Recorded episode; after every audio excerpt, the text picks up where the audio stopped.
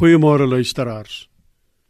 Ek lees graag vir u voor uit die boek van die profeet Jesaja hoofstuk 60, een versie, die heel eerste versie wat soos volg lui: Kom Jerusalem, laat skyn jou lig.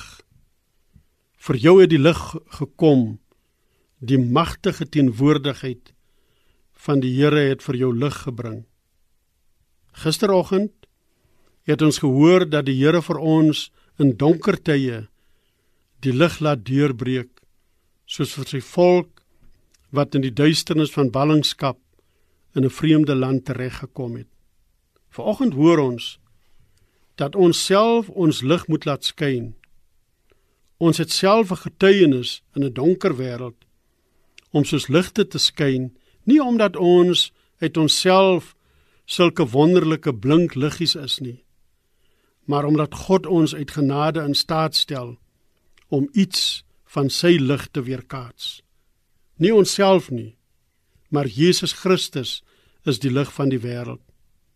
Ons is maar geroep om soos ligte te skyn sodat ons hemelse Vader daardeur verheerlik mag word en in ons teks uit Jesaja 60 vers 1 is dit duidelik dat die lig waarvan hier sprake is nie 'n soort magiese wonderbaarlike ding is nie maar dat daar waar God by mense teenwoordig is breek die lig deur.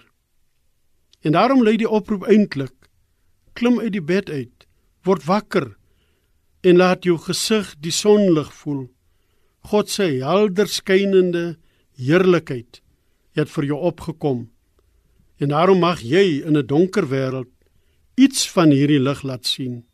Ook in hierdie dag moet jy asseblief nie jou lig onder 'n ding, 'n maatemmer of iets probeer wegsteek nie. Die Here gee jou daartoe sy genade. Here God, ons dankie vir u lig. Ons dankie dat ons ook uit genade ietsie van daai lig in die wêreld mag weerkaats. Ons bely dat daar soveel dinge is wat op ons inwerk dat die liggie soms gevaar loop om uitgedoof te word.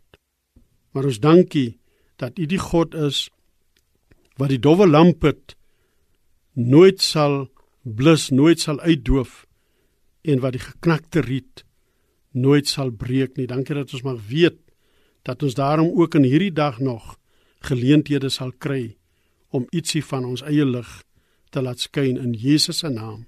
Amen.